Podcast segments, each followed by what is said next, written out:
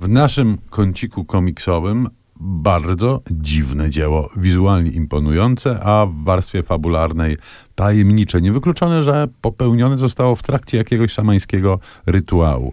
Rzecz ta nazywa się Skok.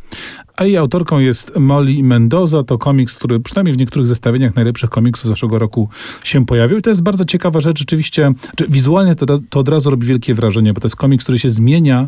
Przede wszystkim barwy są bardzo różne. On ma takie bardzo silne tonacje barwne na poszczególnych stronach i one są zmienne w różnych partiach komiksu. Fabularnie rzecz biorąc, to zapowiedź o chłopaku, który no, nurkując w głębi jeziora przenosi się do innego świata. Tam spotyka takie stworzenie, które na imię ma Kleks. Trudno właściwie powiedzieć, co to jest za istota, ale istota na pewno nieludzka. Razem z tym kleksem wędrują po bardzo różnych światach i ta ich różność jest także różnością właśnie graficzną. Coś w rodzaju takiej podróży, ja nie wiem, czy inicjacyjnej, czy jakkolwiek by ją nazywać, ale przede wszystkim wizualno-mentalnej, takiej mocno, mocno y, y, odlecianej, by użyć y, mało precyzyjnego i kolokwialnego powiedzenia. Bardzo interesująca graficznie przede wszystkim praca e, Molly Mendoza i jej skok. To jest rzeczywiście skok na głęboką graficzną wodę.